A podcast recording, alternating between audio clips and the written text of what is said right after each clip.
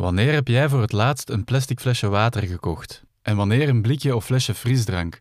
De kans is groot dat dat eerste veel langer geleden is dan het tweede. Ah ja, want water tappen we gewoon van de kraan en vullen we in onze hervulbare drinkfles. En ook koffie bijvoorbeeld drinken we meer en meer uit onze herbruikbare koffiebeker. Maar die frisdrank, die is nog steeds grotendeels alleen maar te vinden in plastic flesjes of blikjes, die dan ook nog eens een hele transportweg hebben afgelegd.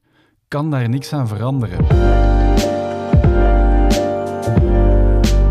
Hey, hallo en welkom bij In de Lift, de podcast van Focus and Smart Media Agency, waarin ik jonge ondernemers spreek over tal van thema's en waar jij in beste geval iets van kan opsteken of geïnspireerd door raakt. Deze keer ging ik in gesprek met Lucas Moreau van Drippel en hij vertelde me alles over gezonde limonades en de problemen met de huidige frisdrankindustrie.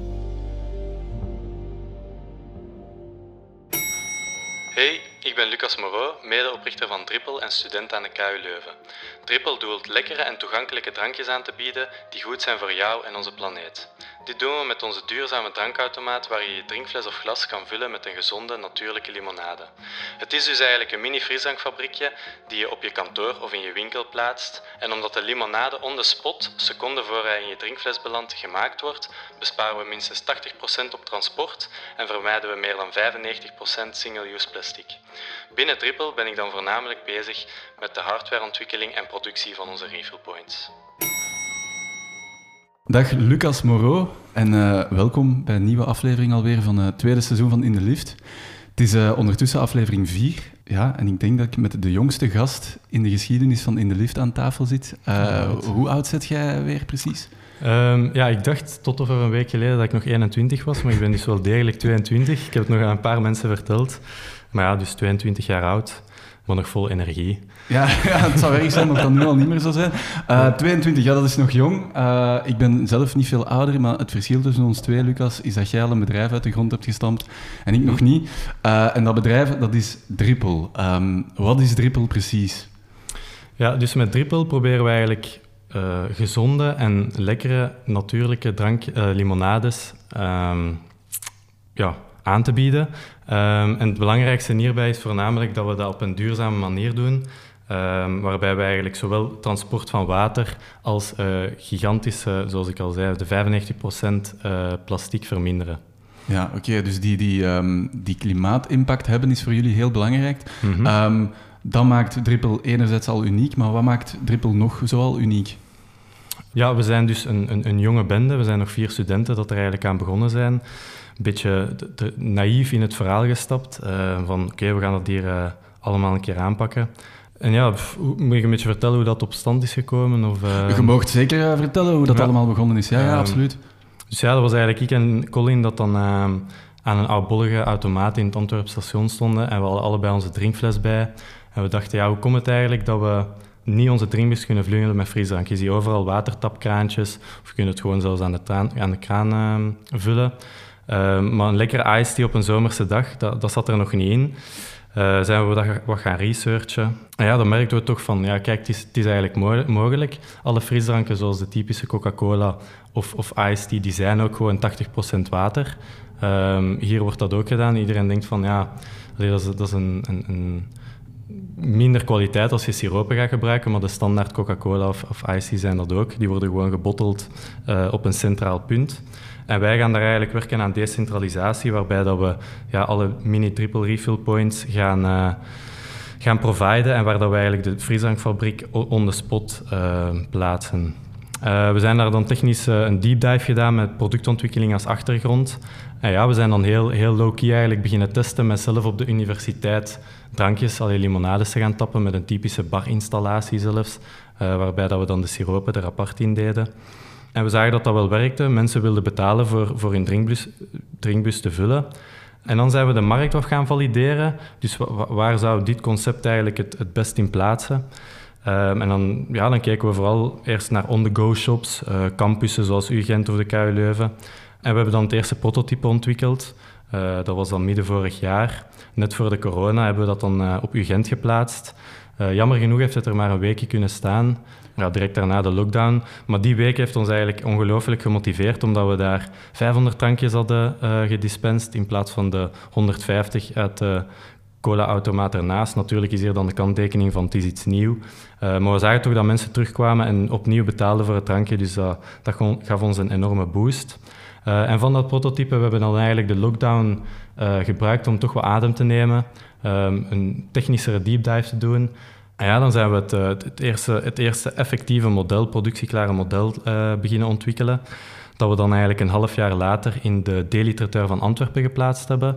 Dus dat een, uh, ja, eigenlijk een, je kunt het vergelijken met de Carrefour Express, waar dat je gewoon binnenloopt, je, je kleinigheid koopt, um, je flesje cola, als, als dat iets is wat dat je doet. Um, dat, dat is eigenlijk het soort, het soort winkel waar dat we dan de eerste machine geplaatst hebben. Maar daar hebben we eigenlijk gemerkt dat het ongelooflijk moeilijk was om, om de machine en de gedragsverandering te creëren. Omdat je hebt altijd nieuwe mensen die passeren, ze weten niet wat dat is. Je hebt toch nog altijd die ja, struggling van oké, iets nieuw, ga ik dat wel proberen? Um, en daar dan zijn we eigenlijk vragen beginnen krijgen van kantoren en zo, met dan de, ja, de media en aandacht dat we dan gekregen hebben door die plaatsing in de, de. Um, en dan zijn we de, meer de kantoor, office, coworking spaces gaan verkennen. En daar merkten we eigenlijk dat de, een, een groot deel van dat, marketingaspect, die communicatie en gedragsverandering, veel gemakkelijker teweeg te brengen was. Dus zijn we daar dan ook meer op gaan focussen. Uh, en hebben we eigenlijk die switch van on the go en echt ja, campussen, allee, campus gaan we nu ook nog verder, verder doen, maar naar echt meer de kantooromgeving. Um, gewoon omdat het daar, mensen weten dat het er staat, mensen weten wat dat erin zit. Dus daar haalden we dan ook veel betere cijfers met dan de drie automaten dat we daarna dan naar, de, naar degene van D-literatuur, met mits een klein paar aanpassingen, hebben we dan een productie van vier automaten opgenomen, uh, waarvan er nu drie dan in meer een kantoor slash productiehuis uh, staan. Um, ja, voilà. Ja, dat, dat is, het dat is al een, waar dat we ja. nu staan. Ja, dat is al een gigantisch uh, grondige samenvatting eigenlijk. Uh, ik ga misschien nog een paar dingen inpikken. Um, dus jullie zijn, jullie zijn met vier. Uh, jullie studeren ja. ook nog allemaal. Ja. Um, hoe is dat, die combinatie van, van studeren en zo'n eigen bedrijf runnen? moeilijker dan eerst gedacht. ja, op welke ja. manier? Ja, vooral tijdmanagement. Um, allee, ik denk dat we nu met triple zes dagen van de zeven wel bezig zijn voor minstens tien uur per dag.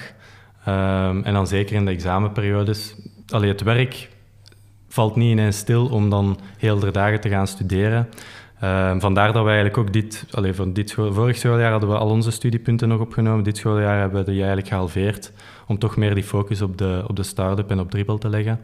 En dat lukt wel goed. Dus daar, daar hebben we dan de, ja, toch wel de vrijheid om, om grondig op voorhand onze, onze examens en onze leerstof in te plannen. En alsnog in de examens ook nog wel het nodige werk te leveren voor het dribbel. Mm. Um, ja. Oké. Okay. Um, ehm, jullie zijn met vier in totaal, zoals ik al had gezegd. Uh, hoe vullen jullie elkaar, elkaar aan? Want iedereen heeft wel zijn eigen ja, expertise binnen mm -hmm. hè?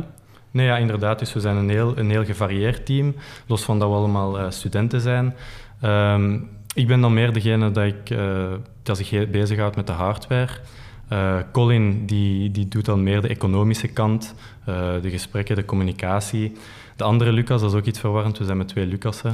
Uh, dus die hebben we eigenlijk Pablo, uh, Pablo genoemd, omdat dat zijn tweede naam is en dat vonden we wel grappig. Dus iedereen kent hem nu al als Pablo. Als Pablo, ja. Um, die doet heel de backend en de frontend, dus heel het softwareaspect, eigenlijk een full, full stack developer. En dan hebben we nog Matthijs, um, die zich dan meer bezighoudt met de marketing, de branding en uh, ook een deel productontwikkeling uh, met zich meebrengt. Oké, okay, cool. Want zoals dat je uh, in je pitch ook al zei, zei um, Dribble is eigenlijk een soort mini-frisdrankfabriek. Uh, mm -hmm. En jullie maken en doen ook alles zelf. Hè? Dus jullie ontwikkelen de software, de hardware en dan het foodgegeven. Ja, ja inderdaad. Voor die smaken, hoe, zit, hoe, hoe werkt dat precies? wie, wie creëert die? Uh, dus voor de smaken en de smaakontwikkeling werken we samen met uh, Sarusoda, noemen ze, met Leslie en Short. Dat zijn eigenlijk twee koks die enorm uh, gemotiveerd zijn en een enorme feeling hebben met, met smaak en, heel die productie en recepturen dat erbij te pas komen. Ehm, dus van hun hebben we eigenlijk enorm veel hulp gehad voor dan onze, onze smaken te, te kiezen en te, te ontwikkelen. we staan daar ook nog altijd mee in contact voor dan de verdere ontwikkeling van, van nieuwe trippelsmaken. En zij doen eigenlijk volledig die productie, dus dat is al iets wat we iets of wat uit handen kunnen geven. We zijn er wel enorm mee bezig natuurlijk, omdat het eigenlijk... Het is inderdaad dat totaalplaatje van de software, de hardware, de, de food en dan nog eens de service dat erbij komt kijken, dat we, waar dat we rekening mee houden. Maar ja, dat was inderdaad een, een, een, enorme hulp dat we daarbij gekregen hadden van hun. Oké, ik heb hier ook uh, een, een, glas drippel, of hoe moet ik het eigenlijk zeggen? Is, is drippel... Ja, een, een drippel drink. Een drippel drink, voilà. voilà. Um, welke, welke smaak heb ik hier voor mij staan? Uh, dat is een cranberry. Uh, dus dat is eerder, in, in het assortiment is dat zo wat we hebben, zo de zoetere, uh, zoals de citroen of de gemberlimoen uh, of de vlierbloesem. En dan heb je de iced tea en de mategiseng en de cranberry, die eerder kruidig en um, ja, zuurder, zuuriger zijn. Um, dus ja, laat gerust weten ja, wat ik ga, je er ik ga nog eens, ik ga nog eens proeven. Ik heb het al stiekem gedaan, maar ik ga toch nog eens... Ik vind, het, ik vind het heel lekker, uh, oprecht. Dat zeg ik nu mm. niet omdat ik hier zit. Wat is, wat is uw, zelf, uh, uw, uw, favoriet? Ja, degene dat je nu aan het drinken bent, dus de cranberry, is nu eigenlijk mijn uh, favoriet. Dat is al geswitcht. In het begin was dat heel hard de gemberlimoen. in alle proefopstellingen dat we nu hebben staan, is de gemberlimoen ook veruit de favoriet eigenlijk. maar ik ben meer geneigd naar dat, allee, meer de, de cranberry beginnen, beginnen lusten. En eigenlijk dat kruidige, dat zurige. Ja, dat, ja voor mij is dat de, de de lekkerste. Ja, ja. Het, is, uh, het valt heel hard op dat, dat, dat, dat, dat dit veel minder plakt dan een traditionele ja. frisdrank. Daarover straks meer, over dat gezondheidsaspect. Um, Drippel bestaat nu, als ik het goed heb, ongeveer zo'n anderhalf jaar. Uh, wat zijn tot nu toe zoal de grootste struikelblokken geweest voor jullie? Mm, dat is een heel goede vraag. Um, ik denk dat we vooral ja, tot voor kort dachten we eigenlijk dat we niet veel struikelblokken hadden gehad, omdat we altijd eigenlijk wel gefocust waren op, op de toekomst. Hè. Als, er dan, als er dan iets tegenviel, dan zagen we dat eerder als het proces, los van uh, of dat nu echt een tegenslag was of niet. Uh, maar terugkijkend denk ik dat inderdaad, vooral voor dan producenten met dan de corona, uh, dat er onderdelen vaak te laat aankwamen. dus wat dat dan de plaatsing van bepaalde automaten heeft uit moeten stellen. Um, corona zelf natuurlijk. In het begin gaf dat ons die ademruimte, maar nu zijn we eigenlijk klaar om gewoon te beginnen produceren en te schalen. Maar we merken wel dat ja, de markt en de kantoren die zijn nog niet volledig gevuld. Ook voor testopstellingen was het moeilijker om ja, een, gepaste locatie te vinden waar coronaproof eigenlijk nog genoeg volk aanwezig was om dan de nodige testen te doen. Um, dus ja, corona is natuurlijk net zoals bij iedereen een, een, een grote tegenslag geweest. En verder is, is alles eigenlijk redelijk goed, uh, goed meegevallen. Um, qua, qua activiteiten dan. Los van dan de, de problemen met het hele serviceaspect en de, de, de zaken dat daarbij komen kijken. Ja, ik denk dat dat eh, een, een samenvatting is van de, ja, ja, ja. Want jullie hebben ook eh, in die afgelopen anderhalf jaar inderdaad uh, al wat prijzen gewonnen ook. Um, Als ik even kijk, uh, jullie hebben recent nog maar Expedition Do gewonnen. Daar zijn jullie ja. als winnende team naar voren gekomen. Dan vorig jaar ook de Gentrepreneur Award voor duurzame duizendpoot. Ja, en inderdaad. de Start Academy van Vlaio en ING, die hebben jullie ook gewonnen. Um, wat doet dat met jullie, die prijzen winnen? Ja, dat, heeft in, ongelooflijk veel gedaan. Ten eerste bevestigt dat ons eigenlijk dat we, dat we echt wel goed bezig waren. Uh, enorm vereerd ook dat we, dat we al die prijzen mochten winnen. En ten tweede hebben we gedurende, want veel van die zaken, zoals de Start Academy of Expedition Do, waren eigenlijk trajecten van een, een jaar of een paar maanden, waar dat we met mede-ondernemers eigenlijk hebben zitten werken, brainstormen. Ja, dat is, dat is eigenlijk een soort community dat er dan ontstaat rond, rond ondernemen. Uh, en, en los van de prijzen heeft dat hele proces ons ook enorm vooruit geholpen. En dan het winnen van de prijzen is natuurlijk de kers op de taart dat je dan uh, mee mag nemen naar huis. Zowel de persaandacht dat je er uh, vanaf krijgt, want ik denk dat dat dan nog het grootste, het, het, het, meest gedaan heeft voor Triple zelf, is, is de, de, artikels dat dan geschreven worden. Via via komt je dan in contact met nieuwe pers, mensen. Dus ja, het, uitbouwen van het netwerk voor Triple was enorm belangrijk daarvoor. Mm -hmm. Ik veronderstel dat je bij zo die uitreikingen ook altijd heel wat feedback uh, krijgt. Hebben jullie daar veel mee gedaan of veel aan gehad? Ja, inderdaad. Dus, dus uh, in die trajecten dan dat we hebben afgelopen, krijg je dan feedback van, uh, ja, hoe moet je zeggen, het rotten in het vak, uh, dat dan, waar dat jij dan je een week je, je hoofd over zitten te breken, gaan ze eigenlijk in een uurtje een antwoord formuleren of een mogelijke piste, je, je denkwijze gaan veranderen. En dat heeft meerdere keren enorm geholpen, inderdaad. Oké, dus een aanrader voor uh, andere start-ups. cool. Um, in die anderhalf jaar, ik heb dat daar net al heel kort verteld, jullie zijn dan begonnen op, op jullie campus, maar hoe is uh, Drippel geëvolueerd? Ehm, ja, dus inderdaad, we, dat was eigenlijk dat we, ik en Colin en, Matthijs dan, die studeerden samen in Antwerpen, zaten heel vaak, deden projecten heel vaak samen. Uh, dus zijn we dat ook zo begonnen. En we hebben dan, ik denk begin, allee, eind vorig jaar, dus eigenlijk uh, nog maar ja, ik ga iets, iets langer dan een half jaar geleden, zijn we dan effectief opgestart als, als bedrijf zelf. Dus de Triple BV opgericht. En dan zijn we toch wel van zo meer een, een studentenidee naar, naar e-, echt van oké, nu is het serieus. Je, ik en Colin en, en Matthijs en Lucas hebben dan ook zelf een kleine uh, financiële injectie gedaan voor het echt... Uh, ja, en dat maakte het allemaal opeens veel serieuzer. Um, en ja, vandaar zijn we eigenlijk vertrokken met dan uh, een eerste kleine financiële investeerder uh, erbij te halen, dat ons ook enorm veel heeft geholpen op businessvlak, waar dat we ook altijd bij terecht kunnen met vragen. ja, zo zijn we een beetje stapsgewijs en eigenlijk volgens de ja, kleine incrementele, noemt een beetje de lean method, dat is waarbij dat je eigenlijk heel, ja, start dan met een... we zijn dan gestart met die MVP, zoals ik er juist in het verhaal vertelde, van zelf drinks te gaan, drinks te gaan dispensen. En eigenlijk heel incrementeel kleine stapjes bijkijken wat werkt, wat dan niet werkt. En zo zijn we eigenlijk ja, gestapt tot waar dat we vandaag staan. Oké, en vandaag de dag, um, hoeveel dripple-automaten, of triple moet ik misschien zeggen, triple-automaten uh, staan er verspreid over België, veronderstel ik dan voorlopig? Ja, ja, inderdaad. Dus momenteel staan we enkel in België en nu staan er vier, vier machines uh, effectief te draaien. Buiten dan prototy het prototype hier natuurlijk ook nog. Uh, echt in de field. Dus okay. dat bij de Daily Traiteur. We hebben er eentje staan op het hoofdkantoor van JBC. Uh, eh, in een magazijn van Coolblue. En dan nog op Flanders Make. Oké, okay, dat zijn al grote, grote spelers, alleen grote ja, namen eigenlijk wel. Als ik zo naar de Daily Traiteur ga, um, hoeveel prijsverschil is er tussen een, een drippeldrankje en, en een traditionele frisdrank? geen. Dus dat, was, dat, was, een van de, de drie pilaren die vanaf het begin eigenlijk enorm belangrijk waren voor ons. Dat is één, enerzijds het duurzaamheidsaspect, dan twee het, gebruiksgemak eigenlijk, en dan drie ja, het economische dat er ook aan gekoppeld wordt. Dus we willen, alleen dat is een, een, een, probleem dat we toch wel zagen, was dat mensen wel biologisch of ecologische oplossingen willen ja, integreren in hun leven, maar dat het vaak te duur is of, of er te veel moeite voor nodig is om het effectief te doen. Uh, dus dan zijn we toch gaan kijken van oké, hoe kunnen we dat zorgen dat een drippeldrink en natuurlijk en lekker en uh, ook te betalen valt. En het hele systeem eigenlijk erachter en, en hoe dat heel die architectuur is opgebouwd, heeft er zich toe geloond dat we eigenlijk exact dezelfde prijsing kunnen hanteren als meer traditionele uh, ja.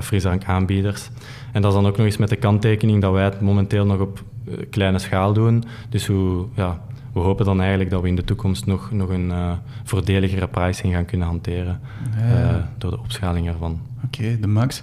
Uh, ik ga ook even kaderen. We zitten hier volgens mij net naast de treinsporen. Ja, ja, Af en toe passeert er een trein, dus als je lichtjes het geluid van een voorbijrijdende trein hoort, dan weet je ook van waar dat komt.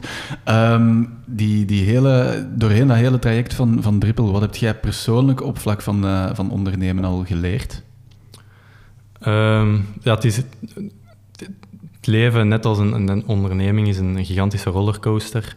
En, en ik denk, ja, we, maken daar altijd de analogie van... Je, je, ziet wel een berg ergens en je wilt er naartoe, maar daarvoor is een jungle. En uh, iedereen die geeft je kaarten van de jungle, die zegt hoe dat je er best geraakt. Maar uiteindelijk moet je wel alleen de jungle in en kom je toch sowieso uh, onbekende dingen tegen. En het is eigenlijk de jungle die, die bepaalt, ja, mede door u natuurlijk, of dat je effectief bij de, uh, bij de berg geraakt of niet. Dus heeft ondernemen mij wel geleerd is van uh, hoe je het ook doet, uh, je moet gewoon verder blijven gaan, gewoon doorzetten en, uh, en dan kom je er wel.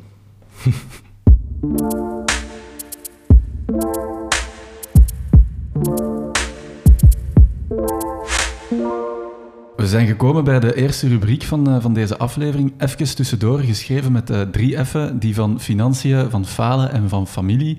Uh, en over elke F ga ik u gewoon een, een vraag stellen. Te beginnen met de F van financiën. Um, ja, ik ben wel benieuwd. Je hebt er daarnet al heel klein iets over verteld. Um, maar hoe kunnen vier jonge studenten zo'n bedrijf opstarten? Waar, halen jullie, waar hebben jullie in het begin jullie, hm. jullie geld of financiering vandaan gehaald? Nee, voilà, inderdaad. Dus zoals ik de juist kort geschetst had, dat we een klein beetje spaarcenten eigenlijk um, zelf eraan gespendeerd, omdat we zo hard geloofden in het idee. En om dan bijvoorbeeld het eerste prototype, dus waar, waar, dat we nog geen externe, externe financiële bronnen hadden, ja, zijn we echt tweedehands onderdelen gaan beginnen zoeken. Ehm, kijken van hoe, hoe pakken we hoe bouwen we dat model eigenlijk zo goedkoop mogelijk op, zonder dat, dat we onze broek eraan scheuren natuurlijk. Dus ja, dan hebben we die, die, dat eerste prototype, dat er toch wel echt al stond als een product, eigenlijk gigantisch goedkoop kunnen, kunnen neerzetten. En daarvoor was het zelfs zo dat we inderdaad zelf gewoon drankjes zijn gaan tappen met een, met een flesje limonade en dan een bar. Uh, dus zo hebben we eigenlijk heel goedkoop redelijk veel insights kunnen, gaan, uh, kunnen verzamelen.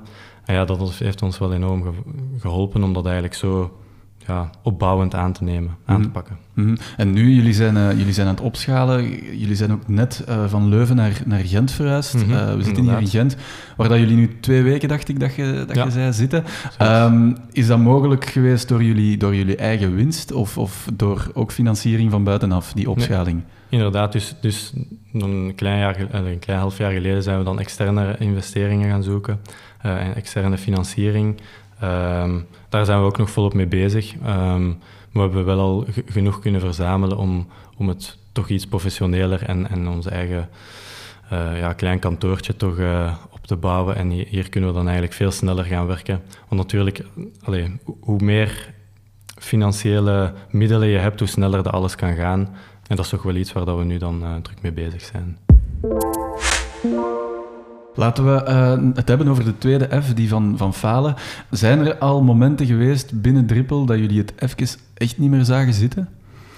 Mm, momenteel eigenlijk nog niet. Uh, er zijn natuurlijk wel al, al, al, heuveltjes geweest waar dat we over moesten. Bijvoorbeeld nu met de, met de proefperiodes waar er dan bepaalde dingen dan niet werken of kleine uh, softwarebugs dat, er, dat zich dan voordeden. En dat is natuurlijk altijd wel een, een uh, iets wat daar opgelost moet worden, waar, dat je, waar dat je dan even toch, ja, dat is minder leuk. Dat is een periode dat je dan daar, daarmee gaat slapen en mee opstaat. Um, maar uiteindelijk is het altijd relatief snel en op een goede manier eigenlijk goed gekomen. Okay. Dus, um, nou, voilà. Dan is er nog de laatste F, die uh, van familie. Mocht jij, mocht jij vroeger eigenlijk zelf veel frisdrank thuis drinken?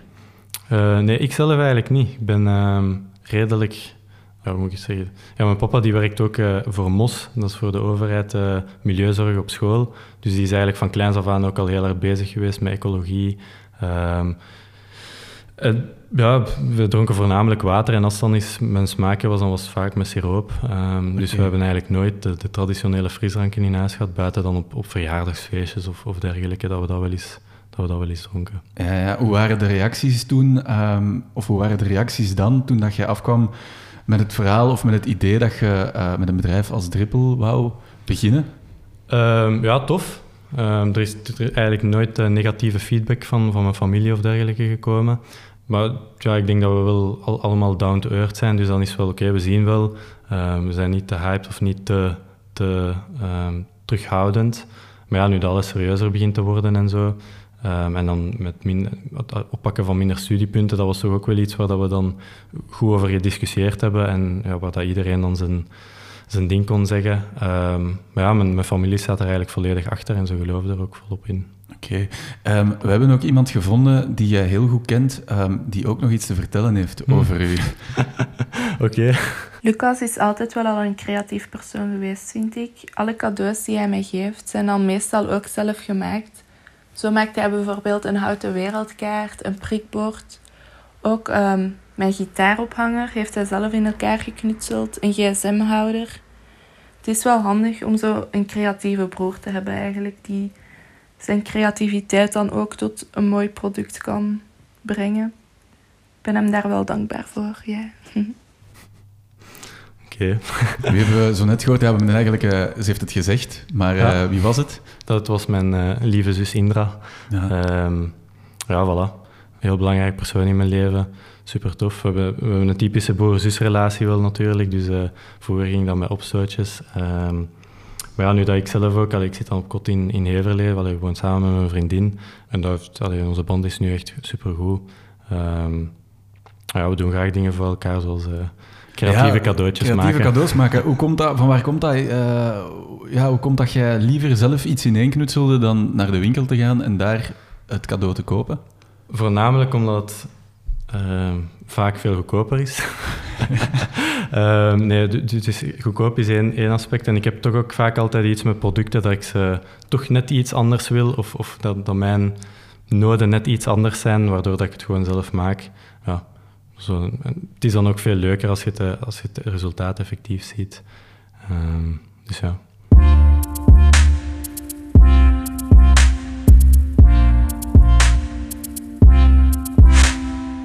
Lucas, naast uh, de, de lekkerste limonade op de markt te willen brengen, um, willen jullie ook een, een, limonade op de markt zetten die, die gezond is, uh, maar mhm. misschien nog meest van al die ook de kleinste uh, klimaatimpact maakt of heeft.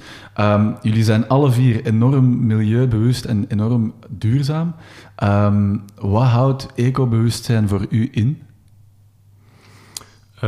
ecobewustzijn houdt voor mij in dat je ten eerste al het opzoekings zelf, opzoekingswerk voor jezelf doet, maar dat, er ook, dat, je er eigenlijk ook op gaat, uh, naar, gaat hanteren eigenlijk.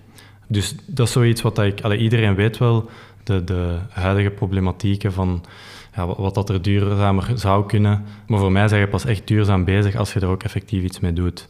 Is dat nu dat je geen vlees meer gaat eten, dat je geen colaflesjes meer koopt of dat je je eigen potjes meeneemt naar de slager voor, uh, uw, salami en nu weet ik veel wat uh, in te doen. En dat is voor mij eigenlijk het, het belangrijkste aan dat duurzaam zijn, uh, is dat je er ook effectief iets mee doet. Hmm. En waarom is dat zo belangrijk voor u? Omdat het uh, op de hoogte zijn van iets mm, geen effecten heeft op het probleem. Um, het, is, het probleem gaat pas aangepakt worden als je er ja, actief mee bezig bent en als je actief oplossingen, of dan je persoonlijk is, of dan een, een project gelijk Triple, dat dan op grotere schaal eventueel um, ja, echt het probleem zelf aanpakt. Mm -hmm. En het probleem dat is uh, de huidige frisdrankindustrie. Ja. Want jullie beweren dat die, uh, dat die achterhaald is, hè? Die, die industrie. Waarom, waarom zeggen jullie dat precies? Inderdaad. Dus uh, ja, doorheen mijn verhaal heb je misschien al een paar puntjes kunnen, kunnen oppikken. Mhm. Maar dat is dus eigenlijk... Ja, we zijn dan vertrokken van, oké, we hebben een drinkfles. Waarom zouden we dan een flesje nodig hebben voor onze uh, limonade te gaan, te gaan drinken en mee te pakken? Mm dus dat, dat, dat, was dan waar dat we van vertrokken waren. Uh, we zijn er dan meer naar gaan researchen. Dan kwamen we op het feit van, oké, ja, los van dat het eigenlijk niet in een plastic flesje hoeft hoeft 80% van de limonade zelf ook gewoon niet getransporteerd te worden, omdat er water in zit en overal in Europa, of naar grondigheid van de filtratie, heb je perfect drinkbaar kraantjeswater. Um, dus dat was dan zo de tweede, het tweede punt van, oké, hoe kan het dat dit eigenlijk vandaag de dag nog gebeurt? Dan zijn we gaan kijken van, oké, zijn er systemen dat dat dan, dan wel of niet, um, niet hanteren? En ja, dan zagen we dat het perfect mogelijk was om enkel de, de siropen en dat een colaflesje zo de vandaag de dag ook gewoon siroop is, dus smaak met, met water, maar dat dat gewoon op een centrale plek gebeurt en dat je dat perfect kan decentraliseren, ja, dan dachten we van oké, dan gaan we dat gewoon doen. Mhm. Als we eens even naar die, die um, verpakking uh, gaan kijken die bij die frisdrankindustrie komt kijken, uh, hoe groot is dat probleem precies? Hoeveel verpakking ja, gaat er dagelijks of, of jaarlijks verloren hm. aan, uh, aan frisdrank? Ja, dat zijn significante cijfers inderdaad. Dus uh, voor de, allee, wereldwijd zijn eigenlijk dagelijks 1,3 miljard flesjes dat weggesmeten worden of geproduceerd worden. Um, en je kunt dat eigenlijk vergelijken met een afvalberg, een dagelijkse afvalberg zo hoog als de Eiffeltoren. Um, en oké, okay, dan, dan, dan, dan zeggen ze van we gaan, we gaan het meer recycleren, maar plastic is ook als het gerecycleerd wordt, wordt het vaak gedowncycled. Dus dat betekent dat het naar minder uh, kwalitatieve producten gaat, zo, zoals tuinmeubelen of, of, dergelijke. Dus dat is ook... Allee, heel die markt zit eigenlijk op, op de foute, in onze ogen op de foute oplossingen te, te, te broeden. Hm. Um, terwijl dat wij zeggen van nee, het kan, het kan nu al voor 75% minder, of je dan alles kunt recycleren of niet. Dus waarom zou je het niet 75, uh, 95% minder afval creëren. Mm -hmm. Lucas, e-, even eh, verduidelijken, gaat het om 95 of om 75 procent? Nee, het gaat effectief wel over de 95 procent eh, minder single-use plastic dat wij met ons systeem eigenlijk kunnen garanderen dan het traditionele um, 50 centiliter colaflesje. Oké, zalig. Um, gelooft je dat wij ooit naar een verpakkingsvrije uh, maatschappij gaan evolueren? Verpakkingsvrij is natuurlijk gigantisch moeilijk. Um, los van, zeker als je dan met, met eten en, en, dergelijke bezig bent, is hygiëne ook gigantisch belangrijk. Uh, dus er moet altijd wel iets van verpakking aanwezig zijn. Het gaat vooral streven zijn naar zo weinig mogelijk. En dan vanaf dat we op het punt zitten van oké, er kan geen minder verpakking, gaan we dan moeten kijken naar oké, hoe gaan we verder om met die verpakking? Hoe gaan we aan upcycling doen? Of, of, of uh, op, op het gelijk niveau recycleren? En dat denk ik wel dat we dat zeker uh, als toekomstdicht mogen, mogen voorhouden. Oké. Vind je dat er op dit moment uh, al genoeg gedaan wordt om dat te bereiken? Um, ja, ik denk eigenlijk, allee, da daarvoor, daar, allee, op dat vlak ben ik redelijk positief ingesteld. Ik denk dat zeker nu de, de, de jongere generatie, allee, het wordt bij, op school op je bord gelegd, um, alle problemen, mogelijke oplossingen, mensen zijn er, allee, de, de, jeugd van tegenwoordig is er veel meer mee bezig, zelfs meer dan ik in mijn jeugd. Dus ja, ook op dat vlak zie ik het redelijk positief. Um, veel jonge ondernemers dat er ook iets voor willen doen. En ja, ik denk dat het zo van, van generatie op generatie steeds gaat verbeteren. En in mijn ogen hebben we ook geen andere, geen andere keus nee, dan het effectief te doen. Hm. Wat is er uh, volgens u nodig of, of wat kunnen mensen um, nu al doen om nog duurzamer te leven? Uh, trippel, trippeldrankjes drinken. Eens er zijn. Nee, nee. Um, ja, het, het, allergrootste deel dat ik moment, allez, recent ook in mijn leven heb geïntegreerd, is uh, vlees oftewel aan de kant leggen of veel minder consumeren. Dat is eigenlijk wat dat je op persoonlijk vlak het, het meeste impact heeft op het milieu, wat dat je van de ene dag op de andere dag uh, kunt doen. Ik dacht ook, ja, ik was denk ik vroeger de grootste vleeseter dat er was uh, van België. Maar ik heb dat toch relatief... Allee, ik dacht altijd van, ja nee, dat is quasi onmogelijk om, om vlees te stoppen. Uh, maar ik heb het dan eens gewoon gedaan, in de examenperiode zelfs, dat ik uh, wat documentaires had gezien. Um, omdat natuurlijk het dierlijke aspect er ook bij komt kijken. Maar gefocust op het milieuaspect, um, ja, is het eigenlijk super makkelijk. Allee, ik heb in de maand dat ik vegetarisch ben, grotendeels, niet, geen enkel probleem gehad om dat vol te houden. Mm -hmm. uh, nu, naast al die verpakking en, en dat transport dat bij uh, normale frisdrank komt kijken, is er ook nog gewoon het, het feit dat gewone frisdrank vol suiker zit. Mm -hmm. um, hoeveel gezonder is drippel in vergelijking met de traditionele frisdrank? Um, dus we hebben sowieso al vier keer minder suiker. Um, dus, dus dat is al een hele grote. De suikers komen dan ook voornamelijk van de producten zelf. Dus als je een vlierbloesem, als je daar een siroop van maakt, ja, dat is eigenlijk natuurlijke suiker dat zich in de bloem zelf uh, bevindt. Uh, er wordt dan een klein beetje rietsuiker aan toegevoegd voor de houdbaarheid te garanderen. Maar zelfs op dat vlak komen we eigenlijk op, op lekkere, toch wel zoet van smaak, maar geen plakkende toegevoegde suiker uh, smaken. Um, dus dat is dan een heel, heel groot aspect, dus het suiker dat we verminderen. Het andere is dan de natuurlijke producten waar dat we mee werken, dus geen chemische samenstellingen van... Uh, ja, waarbij dat er één molecuul wordt aangepast en dat het ineens naar banaan smaakt of, of dergelijke. Daar, daar, daar doen wij eigenlijk niet aan mee. Um, dus dat, dat, is dan een ander gezondheidsaspect dat er ook zeker bij komt kijken. Okay. Vind jij dat er iets aan moet veranderen uh, aan het feit dat er ons zoveel ongezonde voeding toch nog steeds wordt aangeboden? Ja, tuurlijk. Er, er, moet iets aan veranderen, maar ik denk ook dat het vooral jijzelf is dat moet veranderen, want er zijn effectief gezonde alternatieven in de markt. Je moet ze gewoon kopen en uh, consumeren. Um, voilà. ja, dat is een duidelijke boodschap. ja, ja. Uh, als we het dan hebben over dat gezond leven, wat, wat is gezond leven volgens u? Voor mij is gezond leven en een, een gezonde onderneming, dan kun je eigenlijk naar doortrekken, is balans vinden. Dus de balans tussen sporten, tussen gezond eten, maar zelfs ook soms is ongezond eten. Voor als je er gewoon eens goesting in hebt om een friet te gaan halen, dan moet je gewoon een friet gaan eten. Um, dat is ook veel, het is ook veel makkelijker om gezond te blijven eten als je af en toe een keer eens toelaat van de zondige, bij wijze van spreken. Um, dus ja, balans is bij mij daar een uh, gigantisch belangrijke. Dus jij bent zelf ook heel veel bezig met die balans te proberen vinden. Ja, ja Op welke inderdaad. manieren dan? Um, nu is dat vooral sporten onderhouden, uh, want met drippel daar steekt toch gigantisch veel tijd in. Dus ja, daar is zo terug wat zoeken naar een juiste balans van uh, de energie te vinden om te gaan sporten en de tijd vrijmaken om te gaan sporten. Uh, ook met familie dan, uh, of mijn vriendin, om, om daar toch wat terug, terug een balans te zoeken naar time management dan vooral. Mm. Um, ja, desondanks dat er heel veel gezonde voeding inderdaad aangeboden wordt, toch ook, zijn er nog steeds heel veel mensen die, die ongezond leven. Ehm, vind jij dat onze maatschappij er genoeg aan probeert te doen om mensen gezonder te laten leven?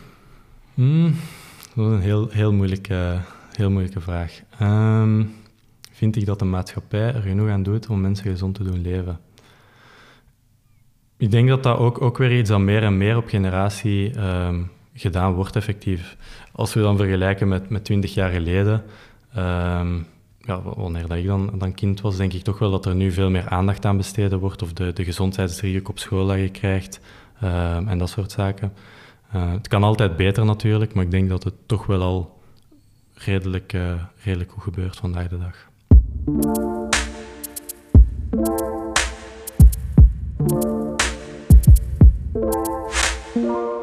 We zijn gekomen bij onze Tag Tools rubriek, waarin dat ik uh, eigenlijk gewoon ja, in de gsm van mijn gasten duik. Dus je mag die er ook even bij nemen als je wilt. Ik ga hem uh, pakken.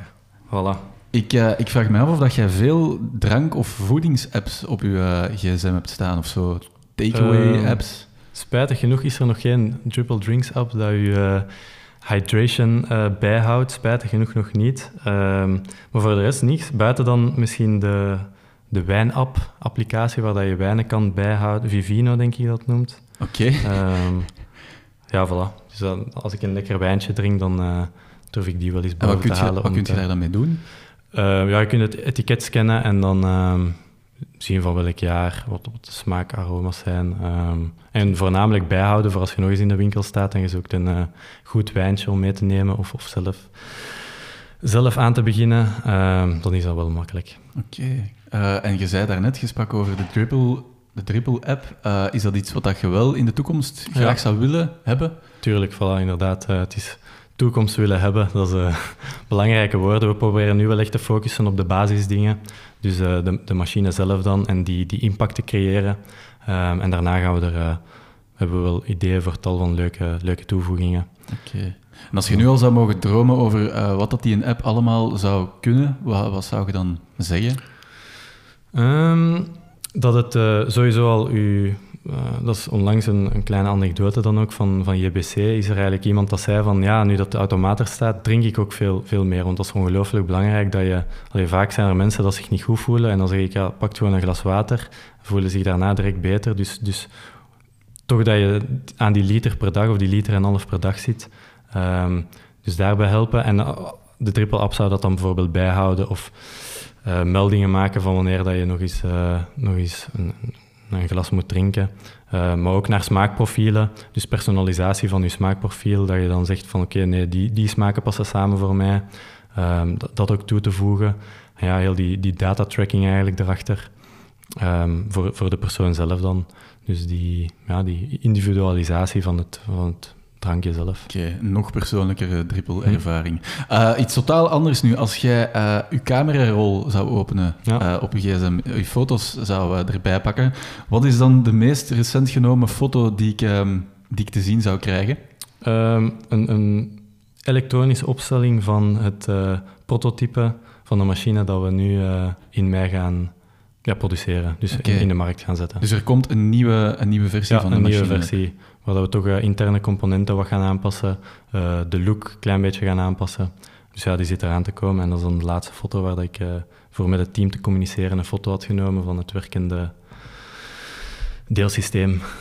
Oké, okay, voilà. Alles werkgerelateerd, zoals het hoort, zoals het hoort. Ja, nu, moet ik, nu moet ik toch kijken of er geen foto tussen staat van mijn katje. Maar, ah, je hebt ook, voilà, kijk. Ja. Ja, nee, voilà, inderdaad. Dat is de, de tweede foto.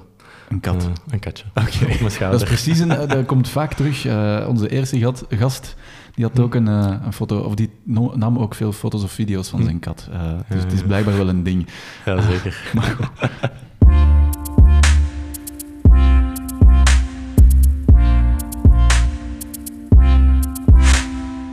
Lucas, uh, jij en uw companen, jullie zetten zich gigantisch hard in voor, uh, voor onze wereld. Um, je hebt het ook al een klein beetje vernoemd eigenlijk, dat onze generatie daar enorm hard of toch veel meer mee bezig is dan, dan vroeger. Mm -hmm. um, hoe uitzicht dat bij uw vriendengroep of in uw nabije omgeving?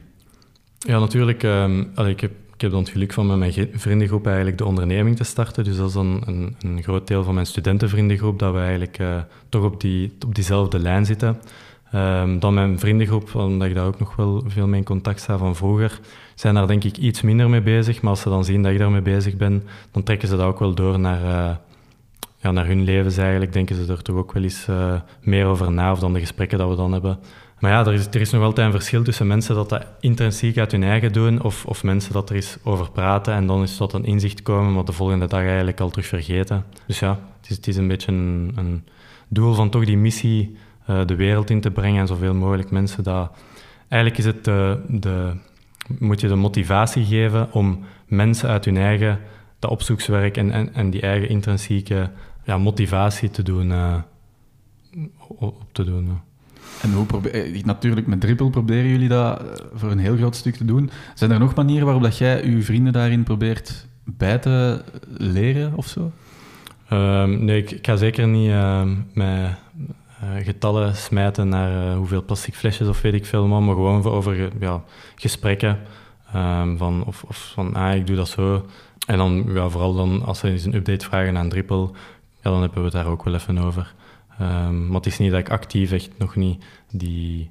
Um, actief eigenlijk mensen ga informeren over de, de huidige problematiek. Mm -hmm. Dat doe ik misschien nog iets te, te weinig.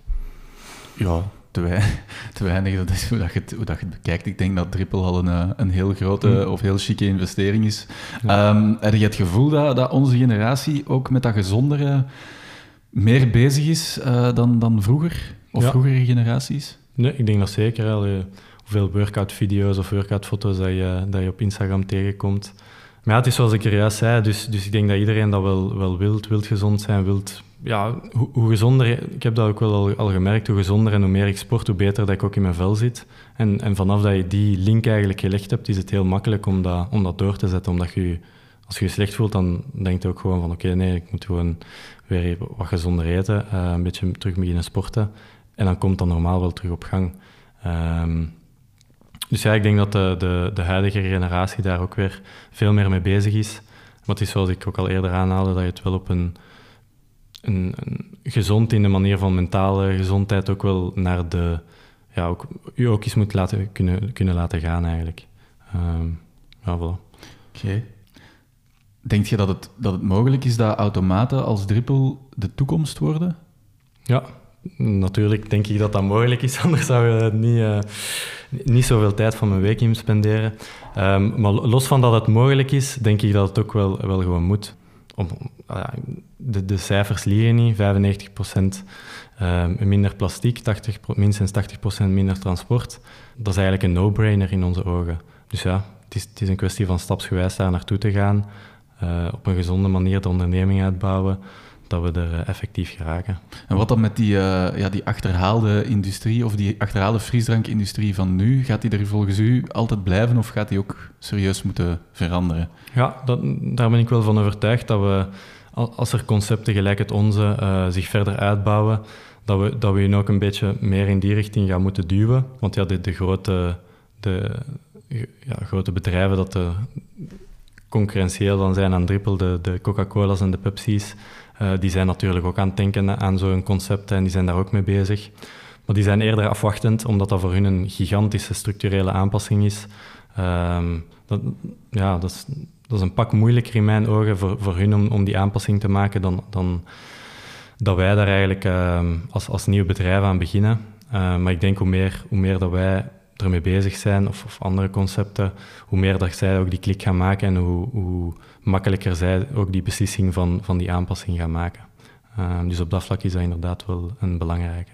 Ik ben nu even aan het denken, stel nu dat, dat Coca-Cola of Pepsi of een andere grote speler naar uh, jullie zou komen toestappen en zeggen van oké, okay, we willen jullie automaat, uh, we willen een samenwerking. Hebben jullie daar al over nagedacht ook? Of we staan daar natuurlijk wel voor open. We zijn er zelfs nog niet, zoveel mee, nog niet veel mee bezig geweest. Maar we denken wel dat als je dan een grote uh, speler combineert met een klein, kleiner innovatief bedrijf, dat je eigenlijk samen veel sneller tot een grotere impact kan, uh, kan komen. Um, dus dat is inderdaad wel, wel zeer belangrijk.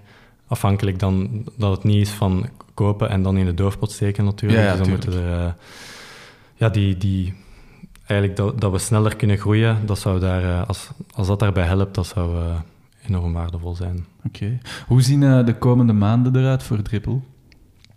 Um, dus nu is inderdaad dat, dat de volgende versie eigenlijk afkrijgen. Ehm, alle bestellingen daarvoor doen. We zijn dan ook bezig met het herevalueren van de dripple drink zelf. Dus hoe dat we die iets of wat gaan aanpassen, dus de recepturen zelf. En dan gaat het uh, ja, toch de eerste grotere productie van 10 machines dat we, we gaan opzetten, gaan heel veel tijd in spenderen. Um, nog een kleine ja, financiële ronde dat we ogen, op, uh, ogen te doen.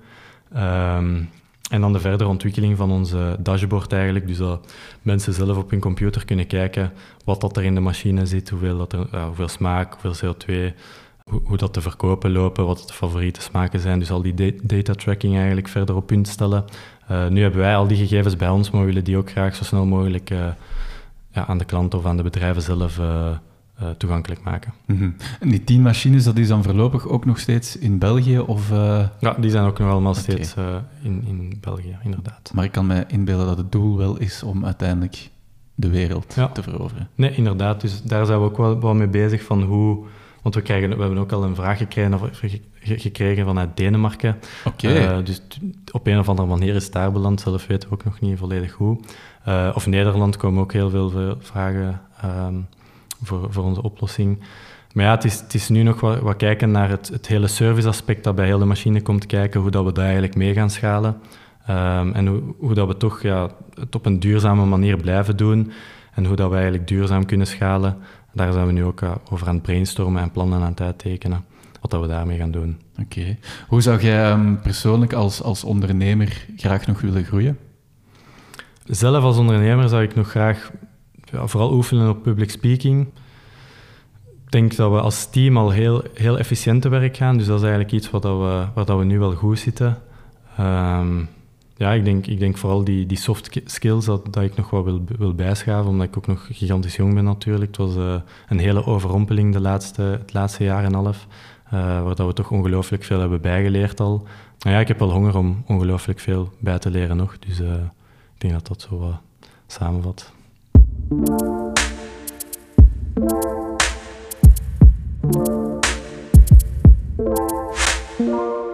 Heb u um, gevraagd om eens na te denken over een soort van mantra of, of levensmotto-achtig. Uh, was yes. dat moeilijk of, of, wist je het meteen? Nee, ik ben, dat was inderdaad een, een, een moeilijke uh, opdracht voor mij, omdat ik daar relatief weinig mee bezig ben, omdat ik ook altijd gefocust ben eigenlijk op de toekomst. Maar wat, dat wel al de, de, de, allee, wat ik dan de laatste periode, zeker met de onderneming, heb geleerd, is dat de kunst voor, voor, voor door te zetten eigenlijk is van tegenslagen op het moment zelf in perspectief te kunnen zetten. Dus een, een beetje onder het motto van, ja, hoe zou het anders kunnen verwoorden? Um, bijvoorbeeld, na, na regen komt zonneschijn. Iets, iets in die aard. En het is wel, allee, vaak slaat er iets tegen, dan wint je daar ongelooflijk in op. En dan een maand later denk je van, ja, was het dan nu? Dus eigenlijk als je dat gevoel en dat perspectief op het moment zelf kunt doen en de ernst van de situatie wel, wel begrijpt en, en ernaar, um, u ernaar gedraagt, maar toch al kunt zeggen dat je eigenlijk die stress van de situatie zelf niet meer hebt, um, ja, dat is toch wel iets wat ik probeer, probeer te hanteren. En wat ik nu ook uh, ja, vaak aan denk, als, als iets dan minder zit, dan denk ik van oké, hoe zou je daar over een paar, paar maanden naar kijken? En dan helpt dat wel gigantisch veel. Mm -hmm. Heb je daar een concreet voorbeeld van? Of is dat een moeilijke, moeilijke uh, vraag? Nee, nee. Bijvoorbeeld onlangs dan, dan moesten we een hervulling doen bij de JBC-automaat.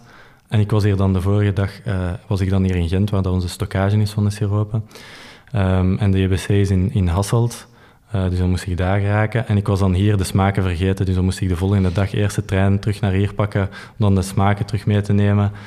En ja, ik had ongelooflijk veel te doen ook, dus dan was ik wel van alleen zo'n tijdverspilling voor ja, eigenlijk iets dat ik vergeten ben. Maar dan dacht ik van ja, oké, doe het gewoon en zie dat die smaken gevuld zijn en dan kun je verder met je, met uw dag. Dus dat is een heel klein voorbeeld natuurlijk, maar dat is wel het eerste wat in me opkwam, voor, uh, waar dat ik dan toch wel die manier van redeneren had uh, toegepast.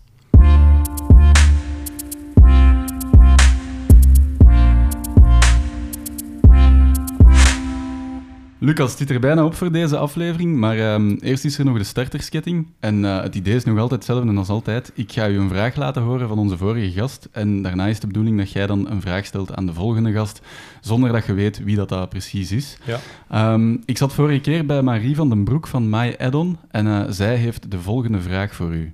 Wat ik heel boeiend vind is, um, we krijgen onwaarschijnlijk veel taken en die komen er allemaal maar op u af. En uh, iedereen heeft wel zo een manier om een beetje je to-do-lijstje te beheren. En ze zeggen allemaal wel, hè, de dringende belangrijke zaken, dat doe je nu en dat doe je zelf. En de, de minder dringende onbelangrijke kan je misschien uitbesteden, dat soort dingen. Maar ik heb het specifiek over de belangrijke en dringende zaken. Dat is niet vaak één ding, dat is ook vaak een lijstje. Hoe ga je daarmee om? Hoe managt je? En hoe ga je daarin prioriteiten stellen? Alright, ja. Nee, heel goede vraag. Ik denk dat dat uh, ja, in elke start-up of elke onderneming wel voorkomt dat je ja, toch verschillende taken moet managen en dat je soms door de bomen het bos niet meer ziet. Um, wij hebben daar eigenlijk heel redelijk snel, allee, we hebben daar veel mee zitten proberen en ook omdat we met een team van vier zijn al direct. Uh, dus daar kwam al wat meer management bij kijken van uh, ja, wie doet wat. En dan, allee, de taken zijn wel specifiek, maar ook op de hoogte zijn waar dat iedereen mee bezig is. En daar hebben we eigenlijk de 666-methode uh, uh, gevonden.